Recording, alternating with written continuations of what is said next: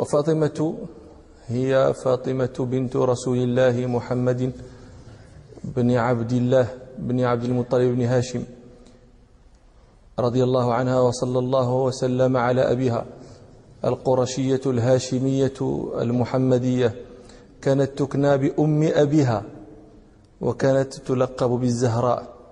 واختلف العلماء في بنات رسول الله صلى الله عليه وسلم في أيتهن أكبر وأيتهن أصغر. والذي عليه كثير من أهل التحقيق أنهن على الترتيب زينب ثم رقية ثم أم كلثوم ثم فاطمة. وفاطمة أسن من عائشة بنحو من خمس سنين. وقيلت وولدت والنبي صلى الله عليه وسلم ابن خمس وثلاثين سنة وقيل ولدت والنبي صلى الله عليه وسلم ابن إحدى وأربعين سنة. و آه، فاطمة آه، قلت لكم هي آخر بنات رسول الله صلى الله عليه وسلم وزوجها النبي صلى الله عليه وسلم عليا بعد أن خطبها غيره. روى النسائي في سننه عن بريدة رضي الله عنه قال خطب أبو بكر وعمر رضي الله عنهما فاطمة. رضي الله عنها فقال رسول الله صلى الله عليه وسلم إنها صغيرة فخطبها علي رضي الله عنه فزوجه إياها. وروى الإمام أحمد عن ابن عباس رضي الله عنهما أن عليا آه، حدث نفسه بأن يخطب فاطمة لكنه قال ليس عندي من شيء. فكيف؟ قال ثم تذكرت عائدة رسول الله صلى الله عليه وسلم وصلته فخطبتها. فقال صلى الله عليه وسلم هل عندك من شيء؟ فقلت لا يا رسول الله. فقال رسول الله صلى الله عليه وسلم فأين الدرع الحطمية التي أعطيتك يوم كذا وكذا؟ فقلت هي عندي. هي عنده. وقد سأله النبي صلى الله عليه وسلم هل عنده من شيء؟ فقال لا شيء عندي. يعني هذه من لا شيء ما, ما, ما استحقت أن تذكر فيما يمكن أن يعطى لامرأة تستحل به. درع عرفت الدرع فقال له هي عندي. فقال النبي صلى الله عليه وسلم أعطها إياه. وقد روى البيهقي قصة الخطبة بأطول من هذا. عن علي رضي الله عنه. قال لقد خطبت فاطمة بنت نبي الله صلى الله عليه وسلم. فقالت مولاة لي أعلمت أن فاطمة تخطب؟ فقلت لا وقلت نعم. فقالت أخطبها منه. فقلت ليس عندي من شيء أخطبها عليه. قال فما زالت ترجيني. مولته فما زالت ترجيني حتى دخلت على النبي صلى الله عليه وسلم. قال وكنا نجله ونعظمه. فلما جلست بين يديه ألجمت حتى ما استطعت الكلام. فقال لي رسول الله صلى الله عليه وسلم هل لك من حاجة؟ فسكت. سكت علي ما استطاع أن يجيب فأعادها النبي صلى الله عليه وسلم حتى كررها ثلاث مرار. هل لك كل ذلك يقول هل لك من حاجة؟ وعلي ما يستطيع أن ينطق بحاجته. فقال رسول الله صلى الله عليه وسلم لعلك تريد أن تخطب فاطمة. فقال علي نعم يا رسول الله. فقال النبي صلى الله عليه وسلم هل عندك هل عندك من شيء تستحلها به؟ فقلت لا والله يا رسول الله. فقال النبي صلى الله عليه وسلم فما فعلت الدرع التي سلحتكها؟ فقلت يا رسول الله والله إنها لدرع حطمية لا تساوي إلا أربعمائة درهم. فقال النبي صلى الله عليه وسلم اذهب فقد زوجتكها وبعث بها إليها تستحلها بها. فلما تمت الخطبة ما الذي يتلو الخطبة؟ العرس. وعلي رجل فقير. ما يملك من شيء يصدقها به فكيف بما يقوم بما يولم؟ وروى لكن أعانه بعض إخوانه روى الإمام أحمد. عن بريدة رضي الله عنه أن عليا لما خطب فاطمة بنت النبي صلى الله عليه وسلم قال رسول الله صلى الله عليه وسلم إنه لا بد للعرس من وليمة. فقال سعد علي كبش. وقال رجل علي كذا وكذا. ذرة. وبينما علي رضي الله عنه يهيئ ما يقيم به وليمته وقعت له طريفة من الطرائف وهي ما رواه الشيخان وغيرهما عنه رضي الله عنه قال كان لي شارف. الشارف هي الناقة المسنة. قال كان لي شارف من نصيبي من المغنم يوم بدر وأعطاني رسول الله صلى الله عليه وسلم شارفا من الخمس. فلما أردت أن أبتني بفاطمة بنت رسول الله صلى الله عليه وسلم وعدت صواغا من بني قينقاع ليرتحل معي لنجمع شيئا من الإذخر. إذخر نوع من النبات. أبيعه الصواغين أستعين به على وليمة عرسي.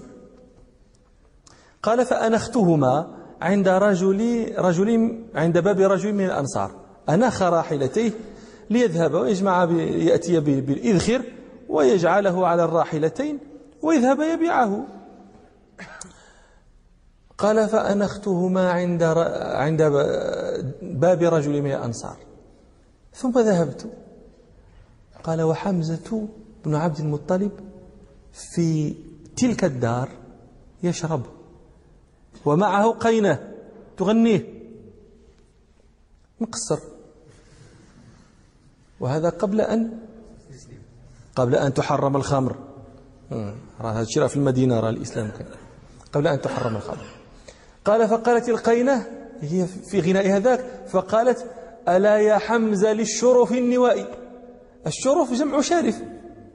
النواء السمان ماذا تفعل؟ تحضه على عقر الناقتين وذبحهما. فقالت له ألا يا حمزة للشرف النوائي قال فانبعث حمزة إليهما فجب أسنمتهما وعقر خواصرهما وأخذ من أكبادهما. علي غائب يأتي بالإذخر قال علي رضي الله عنه فلما فرجعت لما جمعت ما جمعت. فإذا شارفي قد جبت أسنمتهما وبقرت خواصرهما وأخذ من أكبادهما. قال فلم أملك عيني من البكاء بعدما رأيت ذلك المنظر منهما. بكى من القهر الذي حصل له. هذا هذا هذه ثروته من الدنيا. مشت قال ورأيت منظرا أفظعني وما الذي أفظعه الواقع أن المنظر يفظع ولكن الذي يفظعه أكثر من المنظر هو أن الابتناء بفاطمة سيؤخر. لأن الذي كانت ستقوم عليه الوليمة ذهب. قال فقال فقلت من فعل هذا؟ فقالوا فعل حمزة بن عبد المطلب. وها هو في هذه الدار معه شرب من الأنصار. الشرب جمع شارب يعني معه ناس يشربون. ها هو في هذه الدار مع شرب من الأنصار. قال فانطلقت حتى دخلت على النبي صلى الله عليه وسلم وعنده زيد بن حارثة. فلما رأى النبي صلى الله عليه وسلم عرف في وجهي الذي لقيت. فقال لي ما لك؟ فقال علي ما والله ما رأيتك اليوم قط. عدا حمزة على شارفي فجب أسنمتهما وبقر خواصرهما. وهو في بيت رجل من الأنصار في شرب له. قال فدعا النبي صلى الله عليه وسلم بردائه فارتدى. ثم انطلق. فتبعته أنا وزيد بن حارثة حتى أتى بيت الرجل الذي فيه حمزة.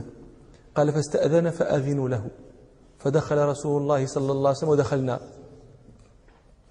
فجعل يلوم حمزة على ما فعل. فإذا حمزة قد ثمل. ثمل. فهمت ثمل؟ فإذا حمزة قد ثمل محمرة عيناه. فنظر إلى النبي صلى الله عليه وسلم وصعد النظر. قال فنظر إلى ركبته. ثم صعد النظر فنظر إلى سرته. ثم صعد النظر فنظر إلى وجهه. ثم قال هل أنتم إلا عبيد لأبي؟ ما عم تتكلم. النبي صلى الله عليه وسلم هل أنتم إلا عبيد لأبي؟ فعرف رسول الله صلى الله عليه وسلم أن حمزة قد ثمل. كان ما تكلم معه ما قالوا فقال في الحديث فرجع النبي صلى الله عليه وسلم على عقبيه القهقرة. تعرفون هذه رجعة القهقرة؟ يعني لم يوليه ظهره. رجع وينظر إليه. لماذا؟ قالوا خشية أن حمزة هذا الذي قال ما قال قد يفعل ينطلق إلى الفعل النبي صلى الله عليه وسلم رجع القهقرة قال وخرج وخرجنا. مشى ولا أن ثم كانت الوليمة وقبيل البناء قال أمر النبي صلى الله عليه وسلم عليا وقال له لا تحدث شيئا حتى تلقاني. فدعا النبي صلى الله عليه وسلم بوضوء فتوضأ به ثم صبه على علي وفاطمة ثم قال اللهم بارك فيهما وبارك لهما وبارك عليهما وبارك لهما في نسلهما. وتزوجها وبنى بها وكانت فاطمة بنت ثمان عشرة سنة. وعلي وفاطمة هذا زوج فقير. وعلي لم يكن له ما يشتري به خادما لزوجه فكانت تعمل فتعبت من العمل.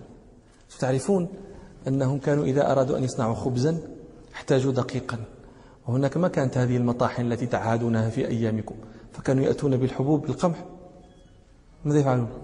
آه يطحنونها في الرحى. كل يوم. بغيتي الخبز؟ سطحن. والرحى هذه راهي قارورة من القوارير. والرحى رحى. قال فأثار طحن الرحى في يد فاطمة رضي الله عنها. تعبت وكلت. فأخرج الشيخان وغيرهما عن علي رضي الله عنه أن فاطمة تعبت مما تطحن من الرحى بيدها حتى أثر الرحى في يدها. وأتى النبي صلى الله عليه وسلم سبي. فقال علي لفاطمة لو أتيت رسول الله صلى الله عليه وسلم فسألته خادما فقد أجهدك الطحن والعمل. فأتت رسول الله صلى الله عليه وسلم فلم تجده. ووجدت عائشة فأخبرتها ثم رجعت. أخبرت عائشة النبي صلى الله عليه وسلم بمجيء فاطمة وبقولها. فذهب النبي صلى الله عليه وسلم إلى بيت ابنته. قال علي فجاءنا وقد أخذنا مضاجعنا. وعلينا قطيفة. هذا لحاف غطاء ولكن كيف هي هذه القطيفة؟ قال إذا لبسناها طولا. لبسناها يعني تغطينا بها. إذا لبسناها طولا خرجت منها جنوبنا. تعرت هي من جنب وتعره من جنب لأنها ضيقة هي ليست بتلك ليست بالعارضة. فإذا تغطي بها طولا خرجت جنوبهما. وإذا لبسناها عرضا خرجت منها رؤوسنا وأرجلنا. فلما دخل عليهم النبي صلى الله عليه وسلم قال فذهبنا لنقوم. فقال النبي صلى الله عليه وسلم على مكانكما. فقال علي فقعد بيننا حتى وجدت برد قدميه على صدري. ثم قال صلى الله عليه وسلم ألا, أخبر ألا أعلمكما خيرا لكما مما سألتما. إذا أخذتما مضاجعكما أن تكبر الله أربعا وثلاثين وتسبح ثلاثا وثلاثين وتحمد ثلاثا وثلاثين فذلكما خير لكما من خادم. فتلك مئة على اللسان وألف في الميزان. قال علي رضي الله عنه فما تركتها بعدما سمعتها من النبي صلى الله عليه وسلم. ما ترك؟ إذا أخذ مضجعه أن يكبر أربعا وثلاثين ويسبح ثلاثا وثلاثين ويحمد ثلاثا وثلاثين. ومناقب فاطمة رضي الله عنها كثيرة فخمة جزلة من ذلك ما رواه الإمام أحمد أن رسول عن آه، أنس أن رسول الله صلى الله عليه وسلم خط أربعة خطوط ثم قال أتدرون ما هذه؟ فقالوا الله ورسوله أعلم. فقال صلى الله عليه وسلم خير نساء أهل الجنة. فاطمة خديجة بنت خويلد وفاطمة بنت محمد وآسية بنت مزاحم امرأة فرعون ومريم ابنة عمران. وروى ابن حبان أن رسول الله صلى الله عليه وسلم قال خير نساء العالمين. هذيك في الأول خير نساء أهل الجنة. هذا خير نساء العالمين. خديجة مريم بنت عمران وخديجة بنت خويلد وفاطمة بنت محمد صلى الله عليه وسلم وآسية امرأة فرعون. وروى الترمذي عن حذيفة رضي الله عنه قال قالت لي أمي منذ متى عهدك بالنبي صلى الله عليه وسلم؟ يعني منذ متى؟ رأيته آخر مرة لقيته فيها أو رأيته فيها. فقال لها ما لي به عهد منذ كذا وكذا. قال فتناولتني. يعني شتمته فقلت لها دعيني. آتي النبي صلى الله عليه وسلم فأصلي معه المغرب وأسأله أن يستغفر لي ولك. قال فأتيته فصليت معه المغرب فمكث يصلي حتى صلى العشاء. ثم انفتل فتبعته فعرف صوتي فقال من هذا؟ حذيفة؟ فقلت نعم يا رسول الله. فقال ما حاجتك غفر الله لك ولأمك؟ ثم قال صلى الله عليه وسلم هذا ملك لم ينزل إلى الأرض قبل الليلة قط. استأذن ربه أن يزورني وأن يبشرني أن فاطمة سيدة نساء الجنة والحسن والحسين سيدا شباب أهل الجنة. وروى آه، الشيخان عن المسور بن مخرمة رضي الله عنه. أن رسول الله صلى الله عليه وسلم قال فاطمة بضعة مني يؤذيني ما آذاها ويريبني ما رابها. ومن مناقبها أيضا ما رواه ابن حبان عن واثلة بن أسقع رضي الله عنه قال سألت على سألت عن علي في بيته فقيل لي ذهب يأتي برسول الله صلى الله عليه وسلم. إذ جاء فدخل رسول الله صلى الله عليه وسلم ودخلت معه. فأجلس فاطمة عن يمينه وعليا عن يساره وحسنا وحسينا بين يديه ثم قرأ إنما يريد الله ليذهب عنكم الرجس أهل البيت ويطهركم تطهيرا. ثم قال اللهم هؤلاء أهلي. فقال وثلة فناديت من جانب البيت وأنا يا رسول الله من أهلك. فقال النبي صلى الله عليه وسلم وأنت من أهلي. فقال وثلة والله إنها لأرجى ما أرتجي هذه الكلمة ديال النبي صلى الله عليه وسلم. ومن مناقبها رضي الله عنها ما رواه الشيخان عن عائشة رضي الله عنها قالت أقبلت فاطمة تمشي كأن مشيتها مشي رسول الله صلى الله عليه وسلم. فقال رسول الله صلى الله عليه وسلم مرحبا بابنتي. فأجلسها عن يمينه أو عن شماله. فأسر إليها حديثا. فبكت. فقلت لها لم تبكين؟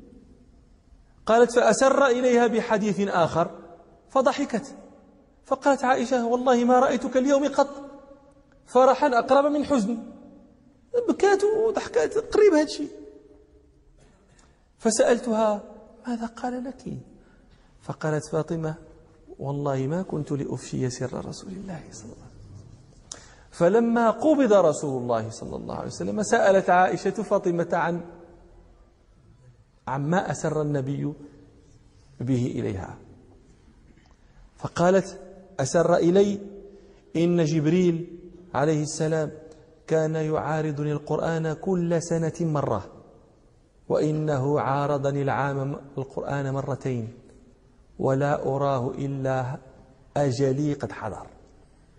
وإنك أول أهل بيتي لحاقا بي فبكيت. ثم قال لي أما يسرك أن تكوني سيدة أهل الجنة أو سيدة نساء المؤمنين؟ فضحكت لأجل ذلك.